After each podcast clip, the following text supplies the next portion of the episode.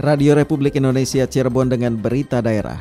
Kalau masalah peladap PON kemudian terkait masalah yang sedang beredar tentang COVID-19 menurut saya itu lebih baik peladap PON itu artinya di rumah masing-masing dirumahkan lah seperti itu. Karena apa? Kalau misalkan kumpul bareng di sana dalam satu mes dan sebagainya itu kan kontak fisik kemudian itunya kan pasti akan selalu bersama dan sebagainya kita sama-sama tadi menyemprot disinfektan kepada masyarakat Kabupaten Cirebon tiga hari berturut-turut. Kita mengantisipasi dan kita mengimbau kepada masyarakat Kabupaten Cirebon pun agar virus corona ini kita masyarakat Kabupaten Cirebon tetap sehat, maka kita menganjurkan mengimbau bahwa masyarakat Kabupaten Cirebon harus hidup sehat, hidup bersih, dan kita selalu cuci tangan.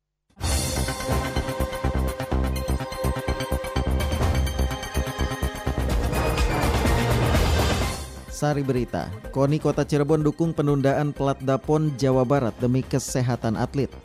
Pemerintah Kabupaten Cirebon tiga hari berturut-turut melaksanakan penyemprotan cairan disinfektan di beberapa ruas jalan Kecamatan Sumber. Bersama saya Nono Kartono, inilah berita daerah selengkapnya.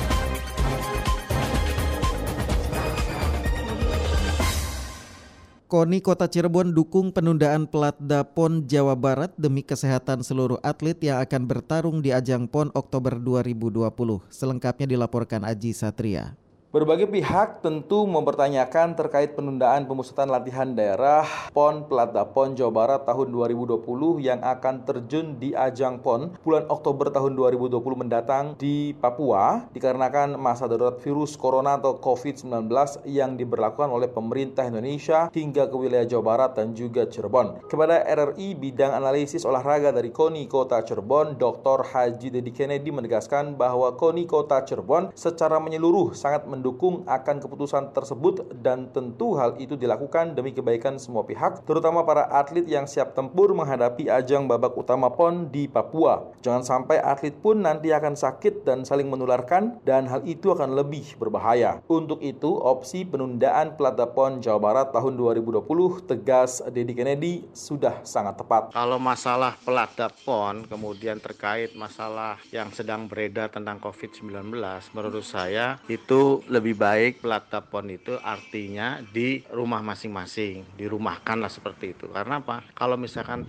kumpul bareng di sana dalam satu mes dan sebagainya, itu kan kontak fisik, kemudian itunya kan pasti akan selalu bersama dan sebagainya. Oleh karena itu, program-program dari para pelatih untuk bisa disampaikan kepada atlet dan bisa dilakukan di rumah masing-masing untuk sementara. Nanti kalau misalkan wabah ini sudah clear, sudah selesai oleh pemerintah, maka kita selaku masyarakat Kota Cirebon dan masyarakat Jawa Barat pada umumnya akan selalu mendukung terhadap adanya pelada yang nanti akan digelar oleh masing-masing Pengda. Akan tetapi ada informasi bahwa PON juga nanti disinyalir akan ditunda karena saya lihat juga di berita bahwa Olimpiade juga ditunda tahun jadi tahun 2021. Lebih lanjut, Dr. Haji Dedi Kennedy berharap besar seluruh atlet baik yang PON maupun atlet lainnya di wilayah kota Cirebon agar menggiatkan terus latihan dan berolahraga secara ringan dan terukur di rumah atau tempat latihan yang privat. Jangan sampai di tempat keramaian ataupun secara bersama-sama di ruangan karena akan berbahaya. Dengan sehat, tentunya virus berbagai jenis apa pun akan dilawan oleh imun tubuh yang kuat. Aji Satria melaporkan.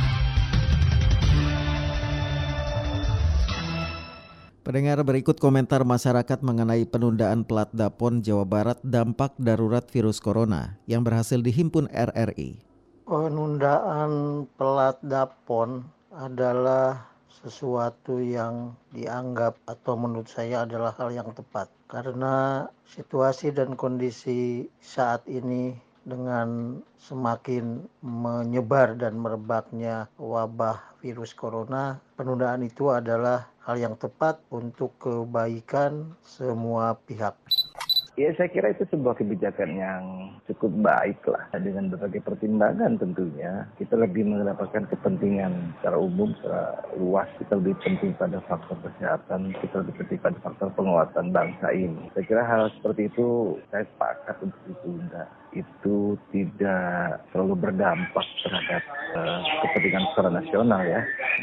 Penundaan itu sebenarnya bukan hanya ke plat D saja, semua semua aspek juga tertunda karena imbas corona. Tapi ya sah saja, wajar saja gitu. Kalau prestasi sih mungkin bisa di di apa ya? Katakanlah bisa diatur sedemikian rupa bagaimana dari organisasi cabang olahraga itu sendiri mensiasati agar satu prestasi tidak menurun, tapi yang utama adalah kondisi atlet itu sendiri. Jadi selama plat dari tunda atau tidak ada kegiatan pertandingan olahraga ya jangan sampai si atlet itu tidak sering latihan, nggak sering latihan malah yang ada nanti kondisi menurun, prestasi malah menurun.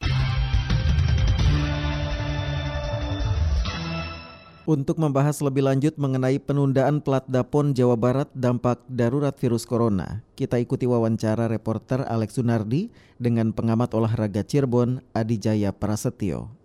Baik Mas Adi Jaya Prasetyo, dampak yeah. dari penyebaran virus corona yang semakin masif di Indonesia termasuk di hmm. Cirebon dan di Jawa Barat sendiri ini berdampak kepada semua sektor termasuk dunia olahraga. Iya, Bahkan yeah, terakhir tim pelat Dapon Jawa Barat yang tengah disiapkan untuk menghadapi PON 2020 di Papua ini terpaksa harus meliburkan latihan di semua cabang olahraga. Nah, kalau menurut Mas Adi Jaya dengan diliburkannya Platda PON ini komentarnya seperti apa Mas? Jadi bahwa diliburkan ya mungkin kalau menurut saya langkah yang tepat karena mengingat wabah corona kan di Indonesia sudah mulai jumlahnya sudah semakin banyak. Jadi kalau dari sisi kebijakan yang sudah diputuskan itu menurut saya sudah tepat. Tinggal nanti atlet yang sedang bersiap menghadapi platna melakukan latihan secara mandiri lah, tapi tidak dalam ruang terbuka. Jadi sendiri terutama dari sisi fisik dulu. Kan sekarang ini kan mungkin ada banyak latihan fisik yang bisa di dalam rumah juga bisa. Terus ada juga barangkali atlet juga diberikan sarana alat fitness yang mungkin bisa menjaga kondisi fisik atlet tersebut. Jadi untuk kendala memang biasanya perlu pemusatan latihan tapi dengan kondisi yang seperti sekarang ini ya mungkin lebih baiknya latihan mandiri gitu untuk anti tersebut. Tapi kalau kita bicara waktu pelaksanaan pun yang walaupun masih kurang lebih ada 6-7 bulan ke depan, tapi biasanya bagi seorang atlet maupun pelatih, waktu 6-7 bulan ini bukan waktu yang lama sebetulnya. Nah dengan adanya pelatda yang harus diliburkan, tentu ini akan sangat berdampak kepada persiapan di masing-masing cabang olahraga sendiri. Nah, mungkin dampak yang paling terasa kalau menurut Mas Adi sendiri apa dari diliburkan dibukanya pelat dapon ini. Betul, kalau memang masa tujuh bulan ini kan masa yang singkat kalau menurut persiapan atlet, apalagi untuk mempersiapkan diri di ajang PON ya. Karena mengingat untuk mencapai titik prestasi itu biasanya pelatih itu mempunyai program latihan yang jangka panjang. Dan dengan adanya kondisi situasi seperti ini memang ada sedikit gangguan terutama dari rencana latihan fisik teknik, ada puncaknya di mana mereka juga harus uji coba dan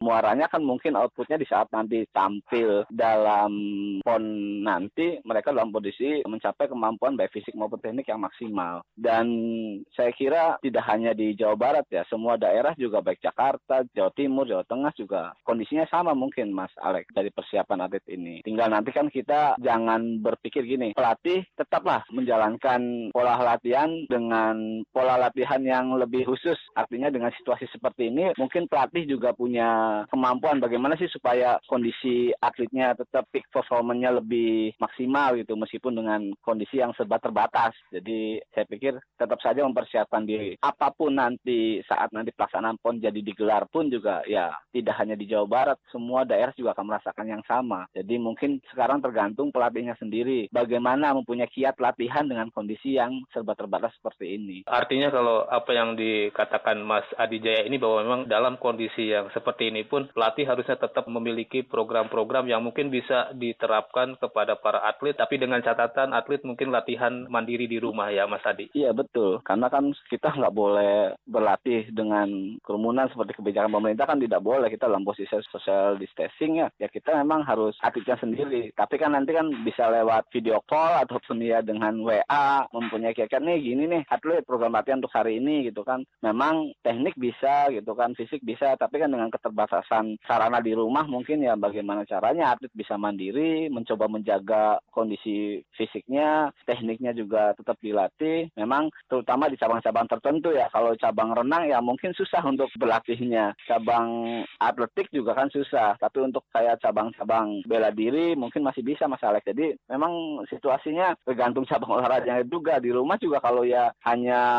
cabang-cabang di luar cabang-cabang bela diri itu susah. Paling fisik saja. Nah terkait situasi darurat siaga corona ini kan di luaran banyak bertebaran isu bahwa status siaga ini akan diperpanjang sampai bulan Mei 2020 ini. Kalau memang ini menjadi kenyataan harus diperpanjang sampai bulan Mei 2020, tentu ini akan hmm. semakin lama atlet artinya tidak ada program pemusatan latihan dalam satu tempat dan iya. tentu yeah. yang namanya seorang atlet bagaimana mereka mengukur kemampuan seorang atlet adalah dengan mengikuti sebuah kejuaraan. Nah, kalau statusnya masih seperti ini, ini kan kejuaraan tentu banyak yang ditunda karena status siaga corona. Nah ini hmm. apakah kalau hanya atlet berlatih dan berlatih saja mandiri tanpa mungkin mengikuti kejuaraan, apakah bisa maksimal seorang atlet untuk mengeluarkan kemampuan terbaiknya? Ya itu lagi saya bilang bahwa situasi ini kan situasi yang serba darurat ya. Di satu sisi kalau dulu PON sebelumnya kan tidak ada kondisi seperti wabah corona seperti ini. Jadi kalaupun ya kasarnya nanti tinggal koordinasi nih dari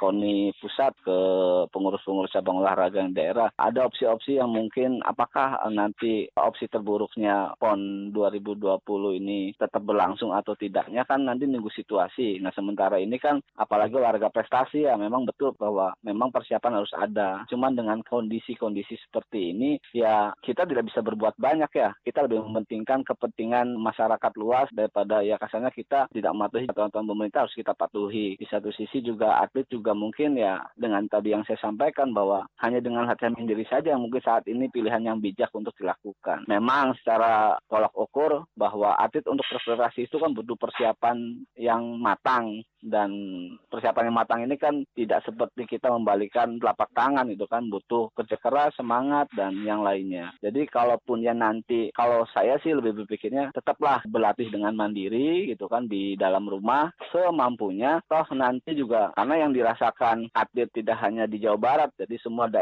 juga akan merasakan hal yang sama terjadi ketidakpastian soal penyelenggaraan PON ini. Jadi kalau saya sih hanya memberi saran bahwa ya tetaplah atlet menjaga kondisi dengan semampunya gitu kan. Di satu sisi pelatih juga harus punya kiat program latihan dengan kondisi situasi yang seperti ini gitu kan. Di satu sisi KONI pusat juga harus segera melakukan koordinasi meskipun tidak dalam pertemuan seperti sebelum-sebelumnya rapat gitu kan. Bisa pakai telekonferensi sekarang itu juga ada sarana-sarana yang menunjang bisa bertemu setiap saat tanpa harus bertatap muka. Jadi komunikasi baik itu dari KONI pusat maupun KONI-KONI di tiap daerah saya pikir itu juga sangat penting sehingga ada kepastian yang jelas bagaimana sih ke depan ataupun apa sih rencana-rencana KONI ada plan A, plan B yang harus dilakukan. Satu sisi kan atlet juga memang jangan sampai terganggu dengan situasi seperti ini. Yang pasti mah utamanya atlet tetap menjaga kondisi dengan latihan mandiri di rumah. Yang kedua pelatih juga mempunyai kiat bagaimana uh, memaksimalkan sarana yang ada di rumah masing-masing atlet kecuali atlet-atlet yang tadi saya sebutkan ya kayak renang nggak mungkin kan renang di tempat terbuka karena kondisi-kondisi seperti ini memang segalanya mungkin di luar kemampuan kita Mas Alex akibat wabah virus corona yang menyebar cukup masif di seluruh dunia ini kan Mas Adi beberapa hmm. event olahraga sebetulnya sudah banyak yang dibatalkan dan ditunda. Kita tahu Euro 2020 pun harus ditunda. Termasuk Betul. yang terbaru adalah Olimpiade 2020 di Tokyo juga ini harus ditunda sampai batas waktu yang belum dipastikan. Hmm. Nah, untuk yeah. PON sendiri kalau menurut Mas Adi Jaya sendiri, hmm. apakah ini juga harus ditunda atau seperti apa? Ya, kalau memang saat nanti di saat ya saya berharap sih wabah corona ini cepat cepat bisa teratasi. Jadi sehingga dalam satu dua bulan ke depan ini sudah bisa kita hidup seperti biasa gitu. Wabah corona sudah hilang lah di Indonesia. Tapi kalaupun ya tetap ada ya saya baik lagi bahwa pemerintah juga melihat ini kepentingan masyarakat luas yang harus dikedepankan. Kalaupun memang ya kondisinya sampai bulan Oktober tetap seperti ini, ya mau nggak mau, jangankan sekelas ponnya masalah Piala Eropa 2020 aja, MotoGP juga semua kegiatan olahraga tingkat dunia saja sampai di ditunda gitu pelaksanaannya. Jadi ya kalaupun ya ini masih ada wabah corona sampai panjang seperti ini ya kita berharapnya sih lebih cepat ya bulan ini bisa selesai gitu kan sehingga kita bisa beraktivitas seperti biasa. Tapi kalaupun nanti ke depan tetap kebijakan pemerintah bahwa supaya masyarakat tidak lagi melakukan aktivitas di luar rumah ya saya pikir kebijakan yang harus kita patuhi gitu. Jadi kalaupun nanti ke depan PON 2020 ini ada kebijakan pemerintah yang melarang kegiatan apa pun ya kita patuhi itu. Terakhir mungkin apa hmm. yang ingin Mas Adi Jaya sampaikan terkait plat dapon yang terpaksa harus diliburkan karena merebaknya wabah virus corona di Indonesia ini. Ya untuk saya pribadi hanya memberikan saran untuk para atlet yang akan berlaga di PON nanti dengan diliburkannya plat dapon ini jangan jadikan semangat para atlet menurun. Tetaplah melakukan aktivitas seperti biasa di dalam rumah sebisa mungkin tetap melakukan latihan terutama fisik yang bisa dilakukan di dalam rumah dan sambil nunggu keputusan dari KONI pusat nanti seperti apa. Yang pasti tetap semangat meskipun dengan keterbatasan harus latihan di dalam rumah ya bagi saya itu pilihan yang memang tidak bisa dihindarkan. Kita harus patuhi apa yang jadi peraturan pemerintah bahwa kita harus lebih banyak di dalam rumah ya lakukanlah sebisa dan semampu kita berlatih di dalam rumah.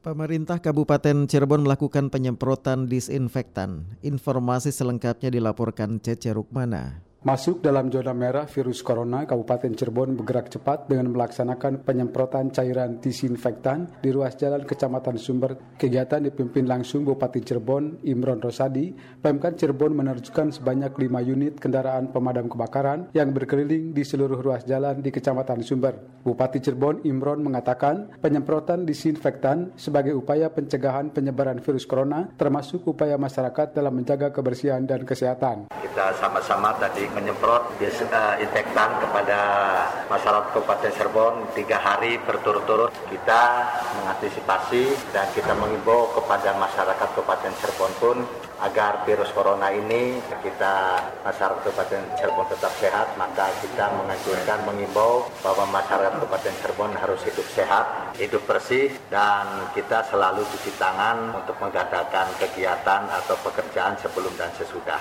Sementara Kepala Dinas Kesehatan Kabupaten Cirebon, Eni Suhaini mengungkapkan penyemprotan disinfektan akan dilanjutkan Jumat dan Sabtu pada titik jalan Kabupaten Cirebon dan pusat keramaian publik. Kita kan memakai damkar itu lima, satu yang 5.000 liter, empat yang 4.000 liter. Jadi selama tiga hari dari mulai hari ini besok lusa secara bergiliran ke wilayah kabupaten. Cairannya itu ada klorin dan klorin sama air. Jadi lebih bagus ya memang setiap hari kalau di rumah itu setiap hari ya dilap lagi itu ya terutama yang bersentuhan langsung dengan badan kita dilap terus pakai Ditambahkan Eni Suhaini sesuai himbauan Bupati Cirebon agar pemerintah desa bisa menggunakan anggaran desa untuk pembelian disinfektan guna dilakukan penyemprotan di tingkat desa termasuk puskesmas telah menyiapkan cairan disinfektan. Penyemprotan disinfektan hari pertama dilaksanakan mulai dari kantor Bupati Cirebon, hutan kota, pasar sumber, pusat perbelanjaan modern, dan finish di COVID Center, Watu Belah Sumber. Cacar Ke mana melaporkan.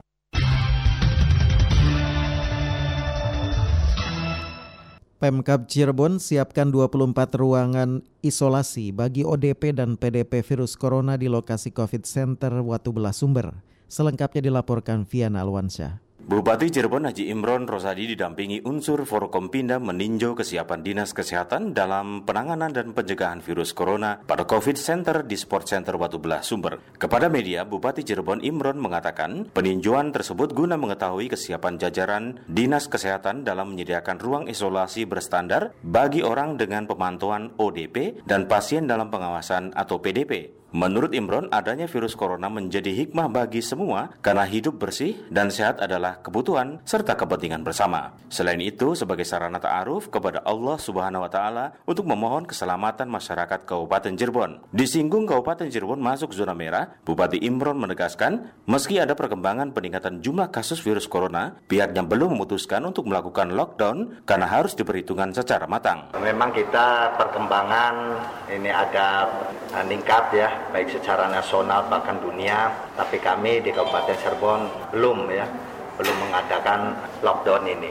Jadi kita nanti nunggu perintah dari dari pusat juga. Karena kita hitung-hitungan kalau lockdown apa madorotnya ya akan lebih lebih besar maka harus diperhitungkan dan mudah-mudahan di Kabupaten Cirebon tidak terjadi lockdown ini. Sementara itu, Kepala Dinas Kesehatan Eni Suhaini menjelaskan COVID Center yang berlokasi di Sport Center Watu Belas Sumber telah disiapkan sebanyak 24 ruangan isolasi untuk pasien yang ringan. Isolasi yang di sini, ya. di sini ada 24 ini. Ya. Tapi di sini untuk kasus yang ringan, ya. Pasien yang oh, di sini untuk pasien yang ringan? Ya, yang ringan aja. Nanti kan kita yang baru pulang dari luar negeri ataupun yang bepergian yang di mana positifnya banyak itu kami sudah mengimbau Pak Bupati, Pak Sekda juga sudah mengimbau Pak David, Pak Jari juga bahwa setiap ada warga bepergian itu harus segera lapor ke Pak Camat atau ke guru dan ke petugas sehingga kita akan mendata nanti kalau kita udah siap ya. Mereka yang baru pulang itu nanti di screening di sini. Kalau ada kasus yang memang pasien dalam keadaan ODP berarti akan dipulangkan isolasi di rumah. Kemudian kalau yang dalam pengawasan tentunya yang ringan-ringan kalau rumah sakit semuanya penuh itu ada. Tapi di sini pun kalau yang berat pengawasan berat ya harus di rumah sakit. Selain itu, Eni Suhaini menambahkan, terkait rapid test atau tes cepat, pihaknya telah mengambil peralatannya sebanyak 238 unit yang diperuntukkan bagi tenaga medis sebagai garda terdepan dan pasien ODP dan PDP. Data ODP dan PDP di Kabupaten Cirebon meliputi 22 orang PDP, di mana tiga orang sudah pulang dan sisa 19 masih di ruang isolasi yang terdapat di Rumah Sakit Walet, Arjawinangun, Sidawangi, dan Rumah Sakit Daerah Gunung Jati. Sedangkan untuk ODP sebanyak 100 orang, di mana 96 orang sudah selesai dan 31 orang sisanya dalam pemantauan. Vian Alwansa melaporkan.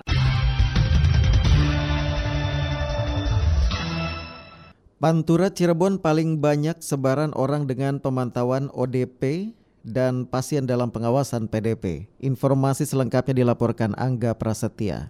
Pantura masuk menjadi wilayah paling banyak peta sebaran orang dalam pemantauan atau ODP dan pasien dalam pengawasan atau PDP di Kabupaten Cirebon. Demikian disampaikan juru bicara gugus tugas percepatan penanganan coronavirus atau COVID-19 Kabupaten Cirebon, Nanang Ruhiana kepada media. Menurutnya peta sebaran masif di wilayah Pantura karena mobilisasi masih cukup tinggi. Kalau dianalisis lebih dalam, data ini mereka ini yang paling banyak bekerja di Jakarta. Jadi kasusnya eh, kasus impor ya, impor berarti mereka di sana tertular dan datang ke sini dalam keadaan sakit. Antisipasi khusus tidak ada, tapi sudah disarankan ke masyarakat juga kalau misalnya ada orang yang datang dari epicentrum, ya misalnya dari Jakarta, dari Bekasi, untuk memperingatkan mereka segera periksa ke puskesmas terdekat. Ditambahkan Nanang Ruhiana, pergerakan sebaran ODP dan PDP tersebut selain dari kedatangan luar wilayah seperti Jakarta dan Bandung, juga diakibatkan oleh TKI. Terkait zona merah, Nanang Ruhiana kurang sepakat karena penyebaran virus tidak bisa dikatakan berdasarkan zonasi mengingat manusia sifatnya bergerak. Nanang mencontohkan kasus virus corona yang ditangani keseluruhannya tertular di luar wilayah Cirebon, tetapi kembali ke Cirebon dalam kondisi sakit. Sementara untuk satu orang pasien dengan hasil pemeriksaan dinyatakan positif virus corona yang kini masih dirawat di ruang isolasi RSD Gunung Jati Cirebon, kondisi secara umum sudah membaik bahkan sehat. Meski demikian, pasien belum diperbolehkan pulang karena pasien baru diperbolehkan pulang jika hasil laboratorium negatif dua kali berturut-turut. Angga Prasetya melaporkan.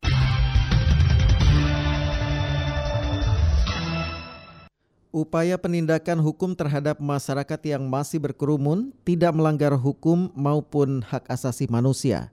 Informasi selengkapnya dilaporkan Yulianti. Setiap masyarakat mempunyai hak berkumpul, berserikat, dan berdiskusi. Namun ketika melihat kondisi saat ini marak terjadinya penyebaran virus corona, sehingga pemerintah mempunyai kewajiban melakukan pencegahan dengan melibatkan aparat keamanan dalam menertibkan kerumunan masyarakat. Hal itu dikatakan pengamat hukum Cirebon Bambang Medifit SHMH kepada RRI terkait penindakan hukum di tengah penanganan virus corona. Bambang Medifit menegaskan upaya penindakan hukum terhadap kerumunan masyarakat tidak melanggar hukum maupun HAM karena penyebaran virus corona merupakan kejadian yang luar biasa. Dalam konteks ini saya pikir tidak ada pelanggaran HAM. Konteks ini kan tidak bisa disamakan dengan pada saat zaman Orde Baru. Ini kan adalah satu kondisi yang berbeda karena memang ini adalah keadaannya darurat dan itu juga menjadi kejadian yang luar biasa bukan hanya di Indonesia kan tetapi di lebih dari 171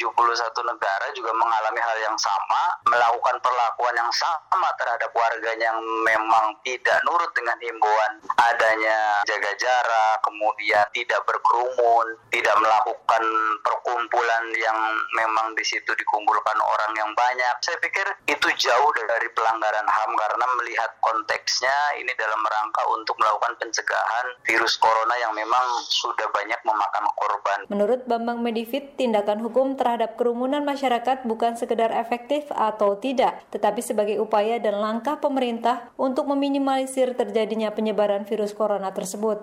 Diakuinya, kesadaran yang kurang patuh dan masih menganggap permasalahan virus corona tidak serius oleh sebagian masyarakat, sehingga banyak yang tidak mengindahkan instruksi isolasi diri atau jaga jarak di sekitar, bahkan masih berkerumun atau berkumpul di tempat keramaian.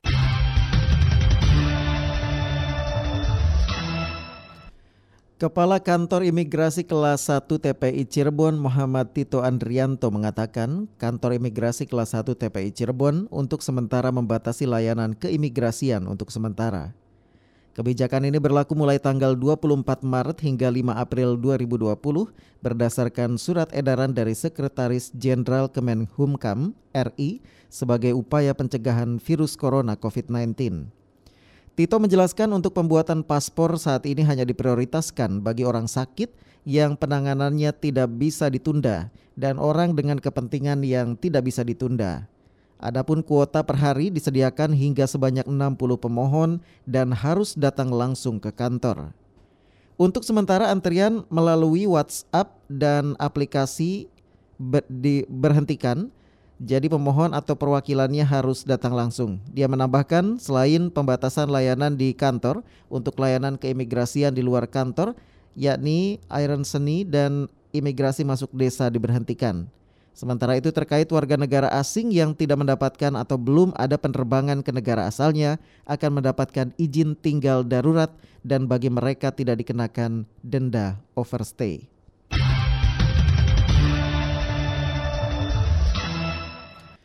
Pondok Pesantren Al Mizan Majalengka menerapkan lockdown bagi santri. Laporan selengkapnya disampaikan Muhammad Bakri.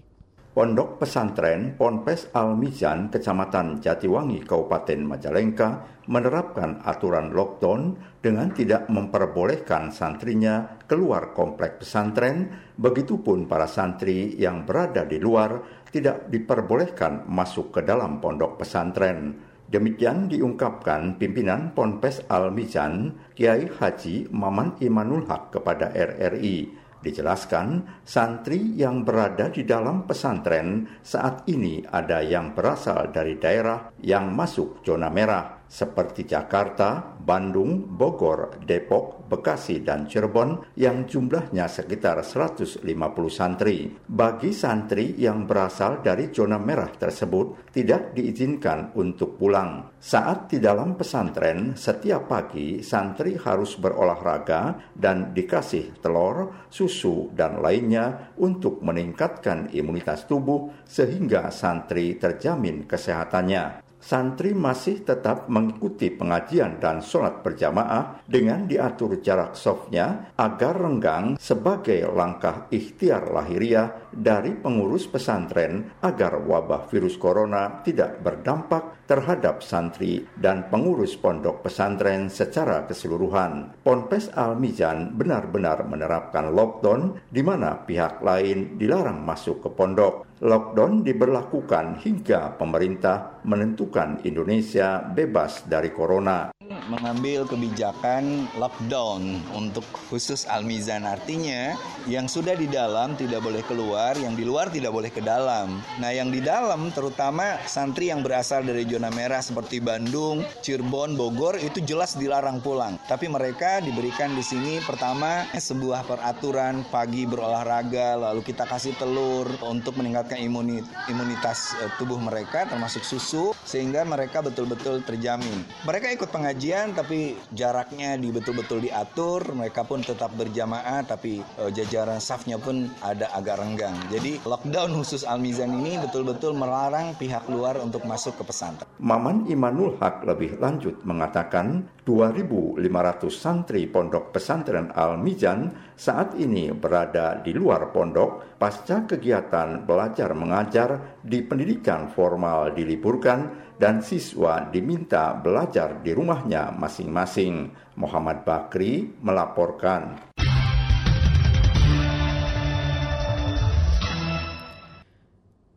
Saudara sekian berita daerah, selamat pagi. Demikian rangkaian berita aktual pagi ini dalam Buletin Berita Daerah Radio Republik Indonesia Cirebon.